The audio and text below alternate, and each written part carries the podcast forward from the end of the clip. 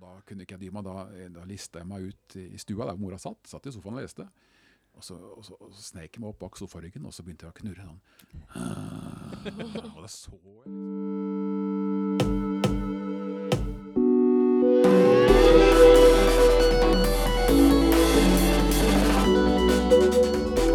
Velkommen til Forfatteren og favoritten, en månedlig podkast om litteratur for unge voksne. Forfatteren og favoritten er podkasten der en forfatter forteller om sine egne bøker, og aller mest om sin favoritt for unge lesere. Dagens episode spilles inn i biblioteket i Larvik. Jeg heter Stian Omland. Jeg har med meg medprogramleder Marilén Kolberg Frøholm, og dagens gjest er selveste Jørn Lier Horst. Velkommen! Ja, takk for det. Så hyggelig å ha deg her. Ja, velkommen hit til Larvik, Ja, ikke sant? Vi har jo reist lenger enn deg. faktisk. Ja. Jeg tenkte vi skulle begynne med en slags faktaboks. Og få sagt noen grunnleggende ting om, eh, om eh, den ordentlige, liksom, formelle bakgrunnen din. Ja. Um, og og mm, hvor er du fra? I Bamble. I Bamble, Mm. som ligger i Telemark. Ja. ja. Så du, jo ikke, du har jo ikke flytta så langt? Nei da. Nei. Em, utdannelsen din er fra Ja, Politihøgskolen ja, i Oslo? Oslo. Men du har tatt andre fag også, har du ikke det? I tillegg til skolen? Ja, jeg fuska i mange fag, så jeg har noen eh, Jeg har vel noen sånne Hva heter det for noe? Sånne tall uh, i, uh, i både litt filosofi og litt uh, Ja, kriminologi og psykologi og Men ikke noe fullgod utdannelse, altså. Når man tar Politihøgskolen og begynner i politiet, eh, eh, er, det, er det en slags eh, stige man går gjennom? For du, jeg vet jo at du etter hvert ble etterforsker, men det er ikke der man begynner. Nei, vanligvis ikke. Altså, Politihøgskolen, da, tre år utdannelse, gir deg jo egentlig mulighet til å jobbe med hva som helst i politiet. Men mye er jo erfaringsbasert, så du begynner jo i, som patruljerende konstabel, som det het den gangen.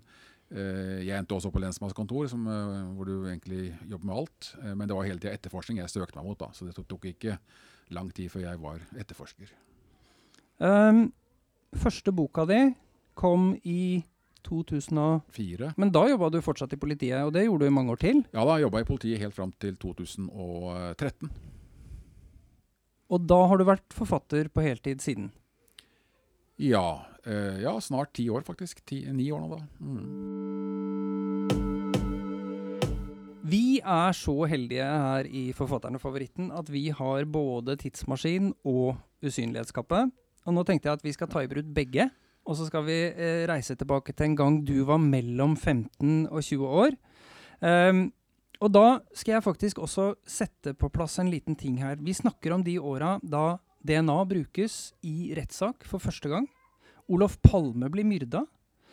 Vi har en sak i Norge som heter Lesja-saken, hvor en jente på 13 ble eh, bortført, voldtatt og drept. Vi har en skytetragedie i Farsund. Og seriemorder Ted Bundy ble henretta. Dette er selvfølgelig helt tilfeldig valgte begivenheter fra disse årene. Det har ingenting med at det er deg jeg snakker med. Nei da. Hvis vi nå har det bakteppet, og så drar vi til en skole du gikk på en gang du var mellom 15 og 20. Du kan selv få lov å velge om det er videregående skole eller ungdomsskole. Og så er det storefri, og så finner vi deg. Hva får vi se? Iallfall som 15-åring, da. 1985. Eh, da var jeg jeg var åttende klasse på Rugtvedt ungdomsskole i, i Bamble da. Og eh, du fant nok ikke meg på fotballbanen eller sånt, jeg, jeg, jeg har aldri vært verken noen idrettsmann eller lagspiller for den saks skyld. Eh, men det jeg gjorde på barneskolen, og for så vidt også på videregående, var jo å starte skoleavis. Sånn at jeg var redaktør i, eh, i skoleavisa, og eh, gikk nok rundt med både fotoapparat og penn og blokk og blyant for å finne egnede intervjuobjekter eller saker det var verdt om å referere i, i skoleavisa. Hva syns de andre om det? Medelevene dine? Jo, altså vi ble jo en redaksjon, eh, så det, det var eh, gøy det. Og det var selvfølgelig også gøy for eh, elevene å, å lese om hva som skjedde både eh, på lærerværelset og andre steder. Jeg husker vi hadde en spalte som het Sex på side seks. ja vel? Som var en enkel rundspørring blant eh, seks av skolens elever om hva de syntes. da. Akkurat. Hvordan vil du beskrive deg selv som type? Du sa at du kanskje ikke var noen lagspiller. Hva ligger det i det? Nei, jeg er en veldig individualist, ja. Eh, det høres litt rart ut, jeg samarbeider jo om å skrive bøker også, men, men og, sånn at forfatteryrket passer jo meg veldig bra. For det å være forfatter er jo et veldig ensomt uh, yrke. Uh, sånn at jeg liker nok å gjøre ting på egen hånd, for meg sjøl. Har det Jeg tenker sånn umiddelbart på, for lagarbeid. Du nevner, jo, du nevner, jo, det å samarbeide med andre om å skrive bøker. Det har du jo gjort. Men mm. jeg tenker jo vel så mye på etterforskerrollen, som vel i stor grad er lagarbeid. Ja da, i motsetning til hva som man kan lese gjerne i krimbøker og se på TV, så, eh, hvor det er liksom enslige etterforskere som går rundt og løser sakene helt på egen hånd, så er det jo ikke sånn. altså Politiarbeid er jo et, nettopp et lagarbeid. da. Uh, hvor, hvor uh, hvert tannhjul er egentlig like viktig, om du er tekniker eller taktiker eller hva det måtte være for noe. Uh, men, så, jeg, så, jeg, fungerer altså i lag med andre. men jeg trives veldig godt i eget selskap. Og jeg ble intervjua en gang, sto med store bokstaver i VG at jeg ikke hadde noen venner. Det, for jeg sa det. liksom og jeg har ikke så mange nære venner, men det handler også om at det å ha venner si det, det, tar tid. Eh, for det må jo være en venn. Du må være til stede også. Så jeg har ikke, jeg har ikke prioritert noe spesielt sosialt liv heller, nei. Gjel, og, når vi er tilbake på skolen, øh, gjelder det da også? Eller ble den redaksjonen en slags vennegjeng? Nei, det, altså jeg hadde mange venner på skolen. Eh, aldri, ja da, og mange gode klassekamerater eh, fremdeles. Så eh, men, men, det er ikke sånn at jeg søker eh, sosialt samvær med andre. Hva var det du var opptatt av eh, da i åttende klasse? Var du opptatt av kriminalsaker? Ikke så mye kriminalsaker. Jeg var veldig opptatt av naturvern. Jeg var med å starte et eget sånt uh, lag for natur og ungdom i, uh, i, uh, i, Grenland.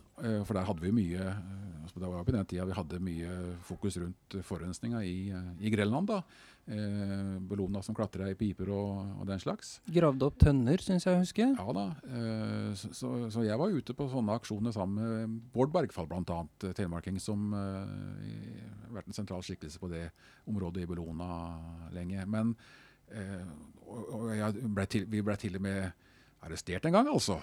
Eh, som vi hadde en, en aksjon i Storgata i Porsgrunn. en sykkelaksjon. En, en sykle sakte og hindra trafikken og den slags. Og da kom politiet. og... Og vi ble innbrakt alle sammen. altså. Jeg ble ikke arrestert, for jeg var jo ikke gammel nok til å strengt tatt uh, bli det. Men alle vi som hindra trafikken, ble kjørt inn på politistasjonen. og Navn og nummer ble notert, men jeg tror ikke det ble ført inn i noen journaler. for uh, jeg tror ikke det har vært noen hindring siden. altså. Er du fortsatt opptatt av naturvern og sånn? Mindre nå enn jeg var den gangen, selv om man kanskje burde være mer nå. Uh, men andre sterke krefter har jo kommet til, da. Mm. Hvis miljøvern var hovedfokus på det tidspunktet, hvor lang tid tok det før dette med politidrømmen dukket opp? På et eller annet tidspunkt her må du jo ha bestemt deg for å tenke skole og den veien? Jeg har jo aldri egentlig visst hva jeg skulle bli når jeg ble stor, holdt jeg på å si. Uh, jeg, uh, tenkte, hadde en tanke om at jeg skulle bli kokk. Uh, utdanna som kokk, jobbe om bord på cruiseskip, lage god mat, uh, reise verden rundt. Men på den tida hadde jeg jo knapt vært i Danmark, ikke sant? så jeg skjønte jo raskt at det var ikke noe for meg. Jeg, ble veldig, jeg, veldig, jeg er ikke noe sjøsterk. Så det slo jeg fra meg. Og så var det liksom, uh, egentlig tilfeldig at jeg blei eh, politimann. Husker veldig godt jeg hadde et vikariat, jobba som nattevakt på et hotell. og Utpå natta så velta jeg en kaffekopp utover en avis. og på den avissida så var det en annonse fra Politihøgskolen da, hvor det sto at de søkte mennesker som evnet å tenke annerledes når andres tanker har låst seg. Eh, jeg husker at akkurat den tittelen der eh, tiltalte meg. Eh, jeg følte liksom at ja, det, nettopp det å tenke annerledes da, passa på meg. Og Dermed så fylte jeg ut søknadspapirene, og så var det opptak og kom inn på Politihøgskolen. Ja, men akkurat den kreativiteten, da, det å tenke annerledes, er jo noe også som passer veldig godt på en forfatter. På det tidspunktet så velger du politiet, og du går den veien. Men vi veit jo nå at du i årene før her har allerede kommet i gang som et skrivende menneske. Mm. Ehm, hadde du seriøst tenkt da på muligheten for å, for å leve av å skrive? Kanskje bli journalist? Ja, ja, ja det er riktig. For jeg, jeg søkte jo begge deler. Jeg søkte både det som den gangen het Journalisthøgskolen eh, og Politihøgskolen. Og så kom jeg faktisk inn begge steder, og så eh, valgte jeg politiyrket da. Og det henger nok kanskje sammen med de bøkene jeg har lest. Fordi at eh, allerede når jeg var liten og var pappa satt på sengekanten og leste høyt fra Donald, så var det jo historien om Mikke Mus og politimester Fix. Liksom. Det var de eh, historiene jeg likte best. Eh, og etter hvert så var det jo også eh, krimbøker da, eh, som jeg plukka med meg fra, fra hyllene. Så det, det der har nesten gått i en slags sirkel. Hadde du med deg det skrivende mennesket hele tida mens du var i politiet? Eller ble det Ja, stille en stund? Altså, det, er mye skrivearbeid i politiet òg, rapportskriving og den slags. Eh, og det plaga jo ikke meg. Det var, det var ofte sånn at eh, sant, hvis du er to som er ute og kjører patrulje, og så er det et innbrudd, og du er der og undersøker, og så er det når du kommer inn på stasjonen igjen, så er det en av dere som må skrive rapporten. Eh, og det ble gjerne meg. Og det hadde jeg ikke noe imot. Sånn at det var veldig populært å kjøre patrulje sammen med meg, for jeg tok liksom rapportskrivinga. Så det var greit. Men, men det som var en hobby, da, det altså skrivinga, det blei jo lagt bort eh, til fordel for altså ja, politiutdannelse, eh, karriere der, familie og den slags. Og så da kommer det jo et sted i livet hvor, hvor kanskje det er sånn at eh, nå er det på tide å ta fram det igjen. Og da var jeg blitt 34 år da den første boka mi kom. Men hadde du skrevet en god stund allerede? Nei, ikke noe skjønnlitterært i det hele tatt. Strengt tatt. Lest veldig mye. Eh, og, det er strengt tatt det man lærer å skrive av. eh, altså det å lese. Eh, men ikke, ikke prøvd meg på noe skjønnlitterært, nei. Hvis du kunne sagt noe til deg selv som da f.eks. 17-åring, hva ville det ha vært? Det kanskje bare at det, at det går bra. altså. For når du- er 17 år, så bekymrer det ja, er det noen som vil ha meg, kjæreste og sånt noe. Så jeg ville kanskje berolige meg sjøl med det at det, det kommer til å ordne seg. Tenk på noe fornuftig isteden. Ja. Så meldinga er egentlig 'slapp av litt', da. Ja, Ja, det, det finnes noen til alle, altså. ikke sant.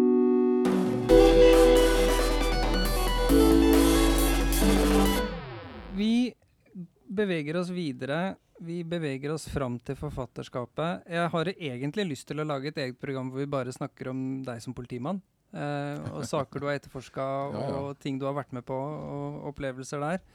Men da, blir vi, da får vi ikke snakka om det vi egentlig er her for å snakke om, så det får heller bare ligge til en annen gang. Kanskje vi kan lage en spesialepisode en vakker dag? Ja. Ikke sant?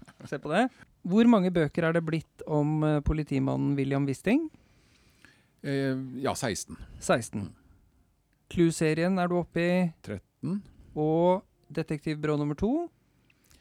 Ja, det er eh, det vil eh, i- Hvis vi regner si- hovedbøkene. Ja, I skrivende stund så er det 28 som er utgitt, og så er det to som er ferdig skrevet, som kommer, eh, kommer i løpet av året. Er du en planlegger eller en oppdager når du skriver? Og jeg er en veldig planlegger.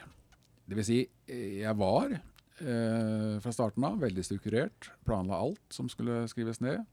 Eh, men etter hvert så har jeg blitt veldig eh, blitt så trygg da, på det å være forfatter. Så jeg vet liksom at dette prosjektet kommer i mål. Jeg har liksom, Det skal handle litt om det og det og det. Og da vet jeg at det, det holder for å fullføre et uh, prosjekt. Men eh, nå er jeg litt, litt tilbake til planleggingen. For det er veldig greit å ha en, en støtte, da kan du si. Da, et, et, et reisverk å støtte seg til eh, underveis. Da, da går egentlig skrivehverdagen litt lettere, hvis du har eh, tenkt litt på forhånd. Hvilke risker har du tatt i skrivinga di? Og har, hvis du har tatt noen, har det liksom lønt seg? Noen risker? Ja. Eh, nei, det var, eh, har jeg tatt noen eh, Det er, jeg tror det er liten risiko forbundet med Er det noen sånne situasjoner hvor du tenker at dette kan da umulig gå bra? at noen vil like det, tenker du på? ja, at, eh, eller om du får det til å henge sammen, eller om du tar stilistiske grep som er, føles dristige. Nei, ja. Eh, siste boka mi, som heter 'Grenseløs', eh, visste jeg, Det var et godt spørsmål, faktisk. Jeg visste jo at jeg tok en eh, liten risiko med den boka. fordi at eh, Da vil jeg skrive om det som vi ikke har et norsk ord på, altså crowdsolving. Eh, hjemmedetektiver, altså de som sitter på kjøkkenbordet hjemme og, og, bruker internett og prøver å finne og søke svar på uløste mysterier og gåter. Fascinerende tema, faktisk. Og gjerne samarbeider med andre i ja, samme rolle og har kontakt ja, gjennom nettet. Og... Via nettforum og, og, og sånt noe. Eh, og i den boka jeg skrev, så eh, strakk handlingen seg eh, til Spania. Det var et drap eh, på en eh, australsk backpacker i Spania. Og så var det da en norsk jente som hadde vært i byen eh, på den tida, som engasjerte seg i et sånt nettforum da. og Dermed så ble det en, en norsk sak, og så forsvinner hun. så, ja. Men, men, da var det to ting jeg visste at var litt risikabelt. Og, og det ene er at altså nordmenn de vil lese om nordmenn i Norge. Altså det er ikke, eh, Hvis du har en sånn etablert krimhelt som meg, så er det ikke så spennende hvis han reiser til et annet land. Han skal helst befinne seg i Norge. Det vet jeg fra før. Eh, og så er Det altså det å skrive en bok hvor mye handlinga foregår på internett, er også risikabelt. Ikke minst fordi at jeg har jo eh, en stor lesergruppe over 60 år. Eh, mange lesere som strengt tatt har falt helt utenfor eh, digitaliseringa av samfunnet. Eh, så det gjør jeg da også til et tema i boka. Eh, de som ikke har nettbank, f.eks. Eh, men, men det å skrive en bok med handling fra internett er det, er det er krevende for å holde på leseren. Det er ikke så spennende heller. Noen snoker på internett som om de skulle snoke seg inn i en nedlagt lagerhall og vite at det står et menneske på lur bak en dør eller noe. Syns du at du lykkes, da? Ja, absolutt. Ja, jeg, er veldig, jeg er veldig, fornøyd med denne boka. faktisk. Eh, også fornøyd fordi at jeg skriver om noe som ingen har skrevet om før. Ja. Eh, så det, nei, jeg er godt fornøyd. Det er tydelig at du liker småsteder, og at kriminalitet på småsteder interesserer deg. Når vi ser på bøkene dine, og etter hvert bøkene på pallen din. Hvorfor det? Er det sånn at du misliker storbyer? Nei, men det henger også litt sammen med at vi, vi, har jo egentlig ikke noen store byer i Norge. Altså, Oslo er en, en stor by, men det er ikke noen storby, altså. Eh, og folk flest bor på små steder. Jeg har eh, som regel alltid bodd på små steder. Eh, en god leseopplevelse er jo også hvis du kjenner deg igjen i miljø og karakterer, eh, og holdt på å si folk flest er fra små steder. Eh, og så henger det litt sammen med at eh, en storby det er nok av folk som gjør det. Og i en storby så krever liksom litt mer også fartsfylt uh, handling. da. Uh, mens på, på småsteder hvor det ikke skjer så mye, så, uh, så er det kanskje små saker som uh, skyter desto større fart.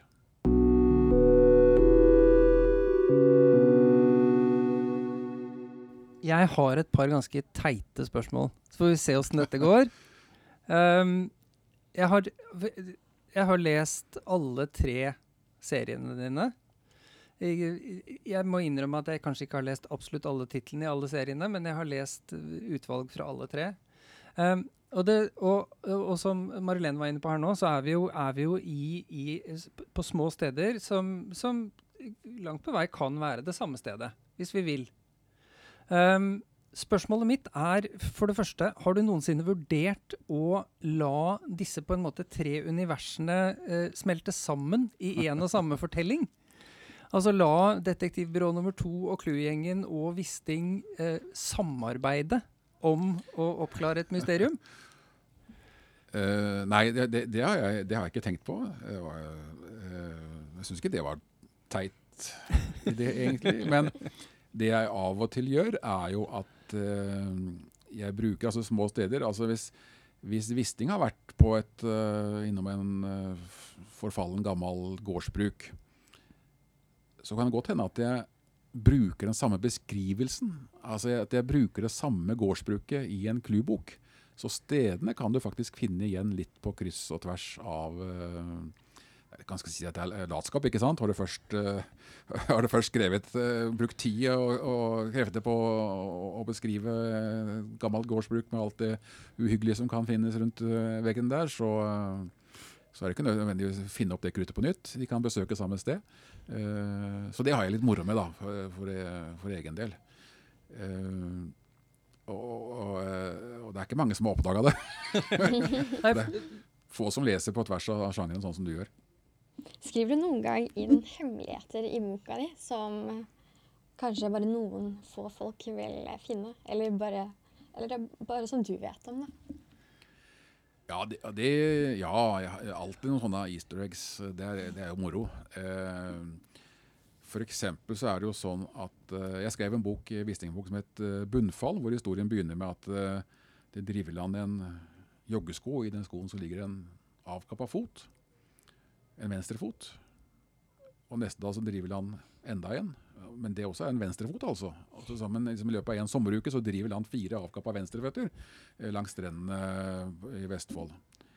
Eh, og så er det da en bok i Clue-serien som heter 'Undervannsgåten', som eh, begynner nettopp med det. At det driver i land en, en, en avkappa fot. I alle fall så er det det leserne tror i første kapittel, helt til eh, en regissør eh, roper 'kutt', og så skjønner vi at det er en filminnspilling. eh, og, og, og da er det altså en, en filmatisering av min Wisting-bok som foregår i klubboka. Clue-boka. Eh, jeg ble litt dette her, da, men, men det er altså en bok som, hvor det foregår mystiske ting i og rundt en filminnspilling. da. Du har skrevet for ganske unge barn i Detektivbyrå nummer to. Mm. Og så har du de litt eldre barna uten at de helt har blitt ordentlige liksom, uh, ungdom på vei mot voksenlivet. Og så har du voksenbøkene dine. Det er ikke noe serie her for lesere mellom 15 og 20. Nei. Um, det er i det hele tatt veldig lite krim for ungdomsleserne. Mm.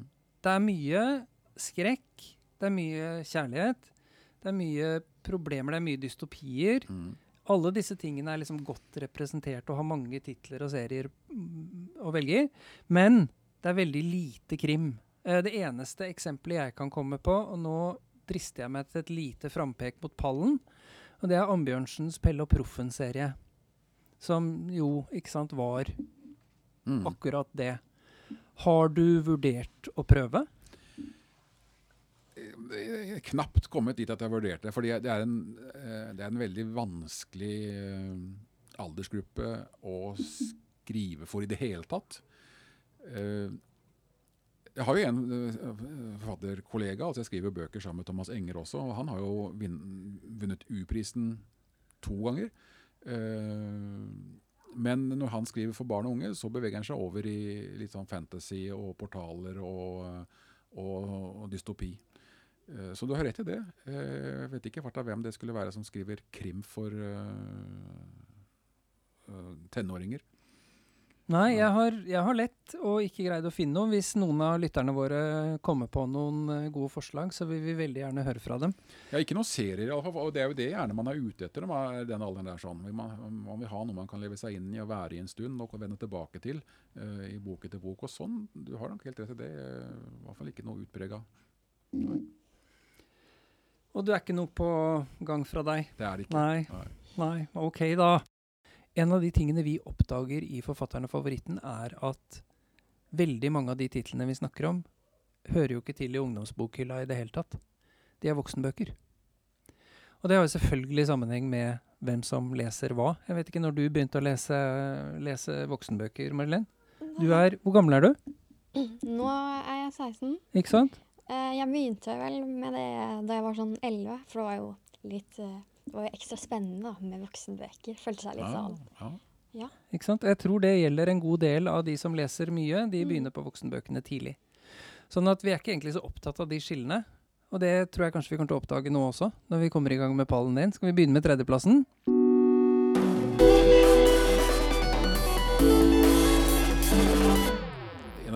Mest uh, minneverdige bøkene fra jeg var i slutten av tenårene, var jo eh, Du sa det jo, Ingvar Ambjørnsen skrev 'Pelle og Proffen'. Men uh, gjennombruddsromanen hans er jo 'Hvite nigere'. Uh, og det var en sånn sniktitt inn i et litt sånt fremmed landskap for meg. Jeg hadde ingen uh, altså Den handler jo om, om unge mennesker fra Larvik. drar til Oslo, ut i verden. Eh, og, og forsøker med narkotika å prøve å finne fotfeste her i verden. da. Og at, at dette narkotikagreiene, ikke sant? det var ord og vendinger som ikke jeg hadde hørt om engang. Afghanere og Marokko og, og den slags. Eh, Så det var en spennende innblikk i noe nytt og ukjent for meg. Og dette er jo en bok som, som har en tittel som For boka kom i 1986. Mm. Um, og så uh, har det jo gått mange år siden. Og dette er jo en tittel som vi er fullstendig klar over i dag at kan oppfattes som, eller rett og slett være, problematisk.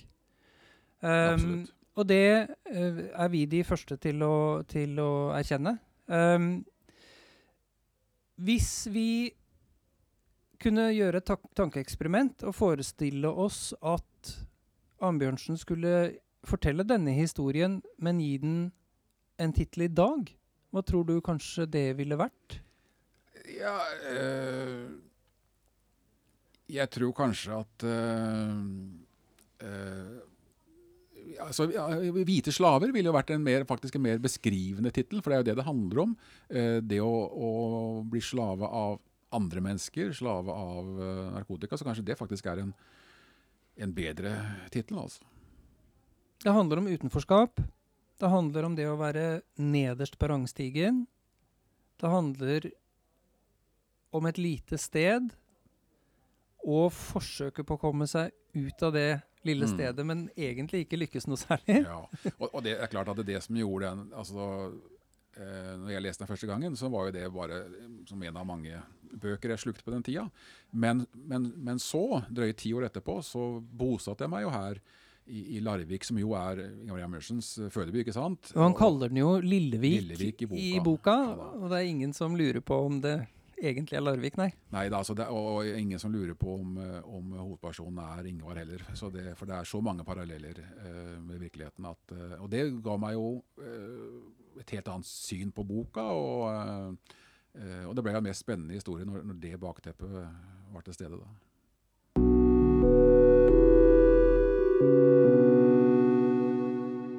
Vi er kommet fram til andreplassen din, og der har du noe helt annet. Ja, kanskje mer i min uh, gate eller min uh, sjanger. Veldig gammel bok, uh, strengt tatt, fra slutten av 50-tallet. Eh, en dokumentar, altså Truman Capotes med kaldt blod. Eller i kaldt blod, med kaldt blod. Med kaldt blod Ja. på norsk, Ja. In Cold Blood på engelsk. Og det er jo, altså, Nå er jo dette med true crime da, eh, veldig eh, populært. Men dette var nok kanskje starten på den trenden, eller i hvert fall eh, Ja.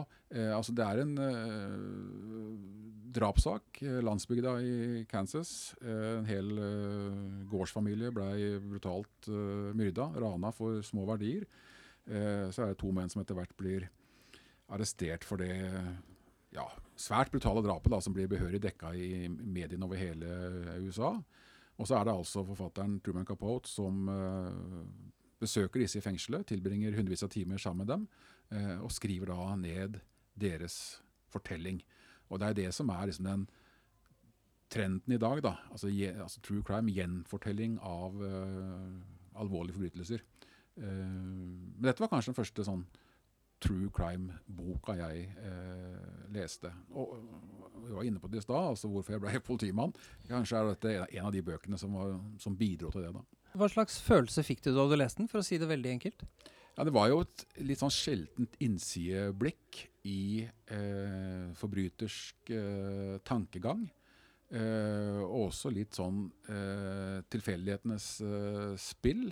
Eh, hvem som blir offer, og hvem som blir eh, gjerningsmann. Og hvordan også eh, den som til sist, syvende og sist blir sittende eh, bak murene, også er et offer, altså.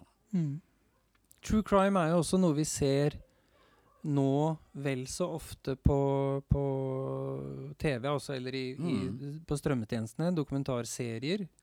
Er jo dette en av de svære greiene de siste åra?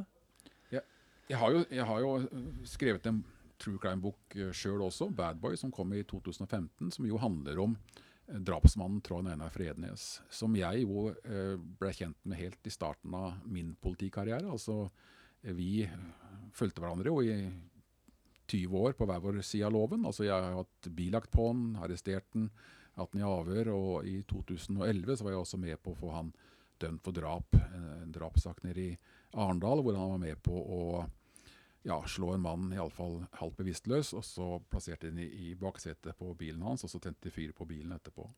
Uh, en av lederne i B-gjengen den gangen som eh, ble tatt livet av på den måten. Uh, og så, da, rett før jeg skulle slutte i politiet, så ringte Trond Einar meg fra fengselet og lurte på om jeg ville komme på besøk. Og så kort fortalt, det han ville, var jo ha hjelp til å fortelle sin historie, da. Uh, så det gjør jeg altså i, i Bad Boy, da. Eh, hvor du får litt av hvor jeg var hen eh, på den tida, og hvor, hvor han eh, var hen i det kriminelle miljøet. Det litt sånn tunge kriminelle miljøet som jo hadde fått fotfeste eh, i Vestfold. Vi er framme ved førsteplassen. Og der har du noe helt annet igjen. Ja, det er, ja da, det er Stephen King. Eh, en bok som het 'Faresonen'. Og den Jeg var nok ikke fylt 15 ennå når jeg leste den, altså. Eh, litt som Marilén, som eh, kan ha vært 11-12. Og, og, og, det eh, Og jeg leste den fordi at eh, jeg var inne hos nabogutten eh, og vi lekte med Lego, så jeg kan ikke ha vært stort mer enn 11-12. altså. Og så forteller han nabogutten det at nå leser mamma en spennende bok, sa han. Eh, og den boka den handler om eh, en dame og en liten gutt som har eh, kjørt eh, bil ut på landsbygda til en, eh, til en bilmekaniker på en bondegård. Eh, men på den bondegården så er det en gæren bikkje som har rabbis. og den har drept bonde, altså bilmekanikeren. Og når de kommer ut hit, så får de motorstopp. Og den bikkja går i sirkel rundt bilen og bare glefser og, og sikler. så langt var mora kommet. Eh, og da kunne ikke jeg dy meg. Da, da lista jeg meg ut i stua der mora satt. Satt i sofaen og leste. Og så, og så, og så snek jeg meg opp bak sofaryggen, og så begynte jeg å knurre sånn. Ah, og da så jeg liksom hvordan nakkehåret hennes reiste seg. Men jeg, jeg ga meg ikke. Uff, sa jeg, ikke sant? og hun og, hun, hun, letta jo fra sofaen, ikke sant? Kasta boka fra seg, letta, plasserte beina under seg før hun landa. Og, og, det sa jo meg veldig mye om eh, hvordan eh, bøker strengt tatt kan ta oss med, altså. Eh, forflytte oss i tid eh, og rom og sted. Eh, og det var altså Stephen King Kujo heter jo boka på engelsk, som er navnet på denne rabbisbikkja, Sankt Bernhardshunden. men, men 'Faresone' er den norske tittelen. Og det er jo en sånn ja, det er, for noe, det er en psykologisk spenningsroman, eller ja. ja. Jeg vet ikke åssen skal Jeg kikka i notatene mine her hva de kalte det for noe? En psykologisk en psykologisk skrekkroman. Men bortsett men i motsetning til alt annet nesten Stephen King har skrevet, så er ikke denne her noe sånn paranormal, eller det er ikke noe sånn uh, overnaturlige uh, vesener i denne boka. Uh, men det er jo en, altså en historie om det som egentlig er en veldig snill og god familiehund som blir, ja, den blir bitt av en flaggermus. da, eh, Og så blir den til et ustyrlig eh, monster. Eh, og det er jo noe som går an å overføre til oss mennesker, altså. Eh, hvordan det, det, bor krefter i, i, alle til å begå alvorlige og onde handlinger. Marlen, du har nettopp lest denne boka for første gang. Hadde du lest noe Stephen King før? Nei, men jeg forventa jo, som Jørn sa, nå er jeg overnaturlig og sånn. Ja. Og jeg ble jo litt sjokkert da jeg leste den. Du har sett filmene til Stephen King, da, sikkert? Ja, ja. ja. Det har jeg. It og It, ja, ja, sånt noe. Mm. Men, eh, men, hva syns du, da? Jeg, jeg likte den veldig godt. Det var liksom denne stemningen Den liksom skumle stemningen som bygde seg opp eh, gjennom boka. Samtidig som vi får høre om eh, eh, da relasjonene til eh, karakterene og alt mulig. Så det var jo Ja, jeg likte den veldig godt. Ja, jeg syns først og fremst det er altså, de stemningene som Stephen King klarer å male fram. Eh, mm. det, synes, og det er, det er, noe som ikke er så lett å overføre til filmlerretet. Og jeg syns det er der den er god. altså, Virkelig mm. god. Jeg har alltid hatt Jeg leste også mye King. Og begynte nok rundt regna i samme alder som deg, og så holdt det gående jevnt og trutt. Og jeg har nok egentlig aldri gitt meg. Ja, nesten. De siste åra har jeg ikke vært like tålmodig med ham. Men, men fenomenalt uh, fortellertalent. Jeg har alltid hatt veldig mm. lett for å forestille meg at Stephen King sitter uh, Nesten uansett hvilken tid i historien, så sitter Stephen King ved et bål det kan godt være en peis på et vertshus, eller et bål i skogen, eller et eller annet sted hvor det er mørkt og det er noen levende flammer som flakker, og så forteller han historier. Mm. Og, og, han er et, et, et, et, virkelig helt fenomenalt fortellertalent. Og i denne boka, hvis du begynner å liksom hvis man, Jeg tror hvis man hadde satt seg ned og, og pelt den fra hverandre, så ville man oppdaget at en, en veldig stor del av denne boka handler egentlig om to ekteskap og en reklamekampanje. Og det er, jo- høres jo ikke ut som en, en uh, psykologisk skrekkroman. Nei. Ikke sant? Men veldig mye av tida så er det det vi snakker om. Det er det, vi, det er det det handler om. Og likevel så legger han hele tiden inn disse her små tingene som gjør at skrekken bobler under. Frampek, spiller på, på hovedpersonenes egen redsel. Hva er de redd for? Hva har de grunn til å være redd for? Hva er de redd for som de ikke har grunn til å være redd for, eller i hvert fall tror de ikke har grunn til å være redd for? Og så er vi langsomt på vei, og det vokser jo fram hele tiden. Vi er på vei mot noe fryktelig. Mm. Ikke sant? Ja, det er nettopp det, også den evnen til å få eh, uhyggen til liksom å, å, å krype innunder huden på deg. Eh, Istedenfor eh, voldsscener og sånt, noe som Hollywood ellers er eh, kjent for, så, så er det mesterlig, altså. Ja, for til syvende og sist så er det jo veldig lite av det. Altså det, det Mm. drar seg jo til på slutten. Det kan vi jo ikke late som det ikke gjør. Ja, det er ikke noe happy ending Det Nei, det blir fæle greier. Ehm, Men Stephen King husker jo ikke sjøl at han, dette, han skrev den boka uh, som dyp alkoholiker. Og har jo sagt etterpå at han, han husker ikke at han skrev boka. Uh, men han er fornøyd med den. ja, og det er jo helt spinnvilt å Mm. tenke på. At han har gjort det under sånne forutsetninger. Men det gjelder jo et, et strekk i forfatterskapet hans på Mm. 80-tallet, hvor han var så langt ned i flaska at han Ja. Det bare rant ut han likevel, da. Jeg har lyst til å spørre Marilene om en ting til her. Eh, fordi at I og med at dette er langt på vei også historien om to ekteskap og en reklamekampanje. Mm. En reklamekampanje som for øvrig er en fornøyelig sak å være med på. Um, men det, det er jo ikke en tenåring å se noe sted her. Du har ingen jevnaldrende i denne boka. Nei. Og det er jo en av de tingene vi forestiller oss om ungdomslitteratur, er at hovedpersonen må være omtrent like gammel som den leseren vi prøver å nå. Og denne boka har jo ikke det i det hele tatt, og likevel så likte hun. Ja. Er det deg det er noe gærent med, eller er det ungdomslitteraturen som burde ta seg sammen? Det, det er jeg litt usikker på, men, Jeg tror ikke det er deg det er noe gærent med.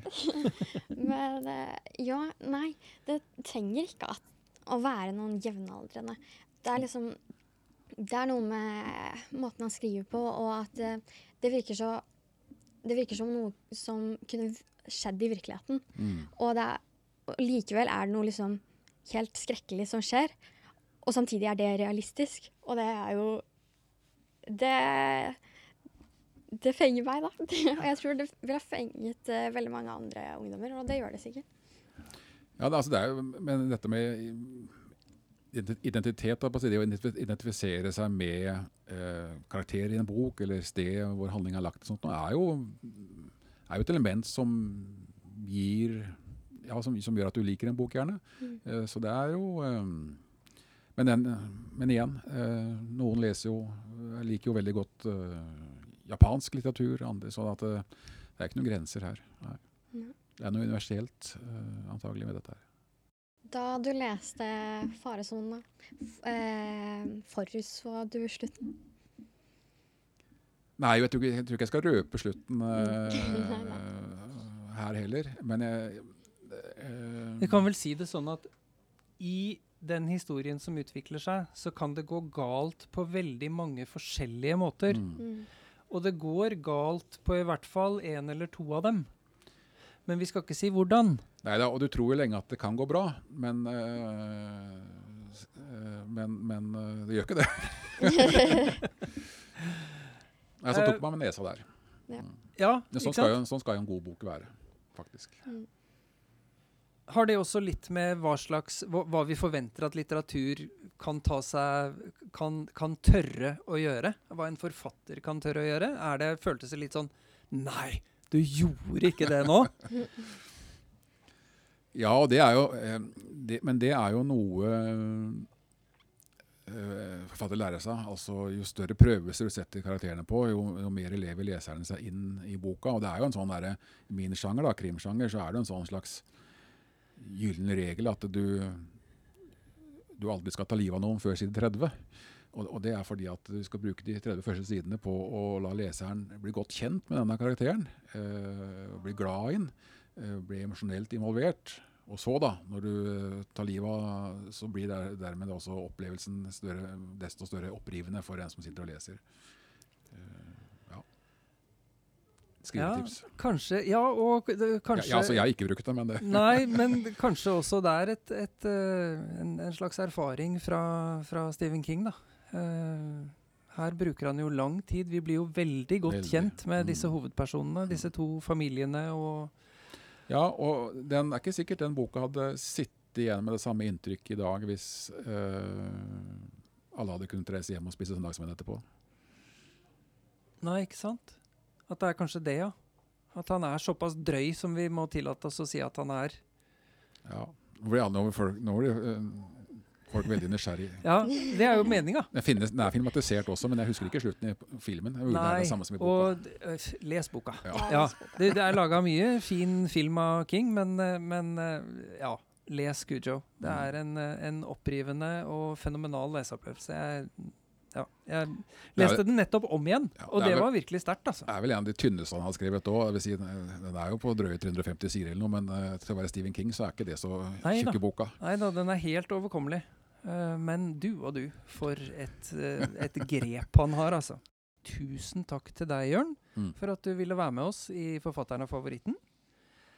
Forfatteren og favoritten er et samarbeid mellom bibliotekene i Skien og Porsgrunn.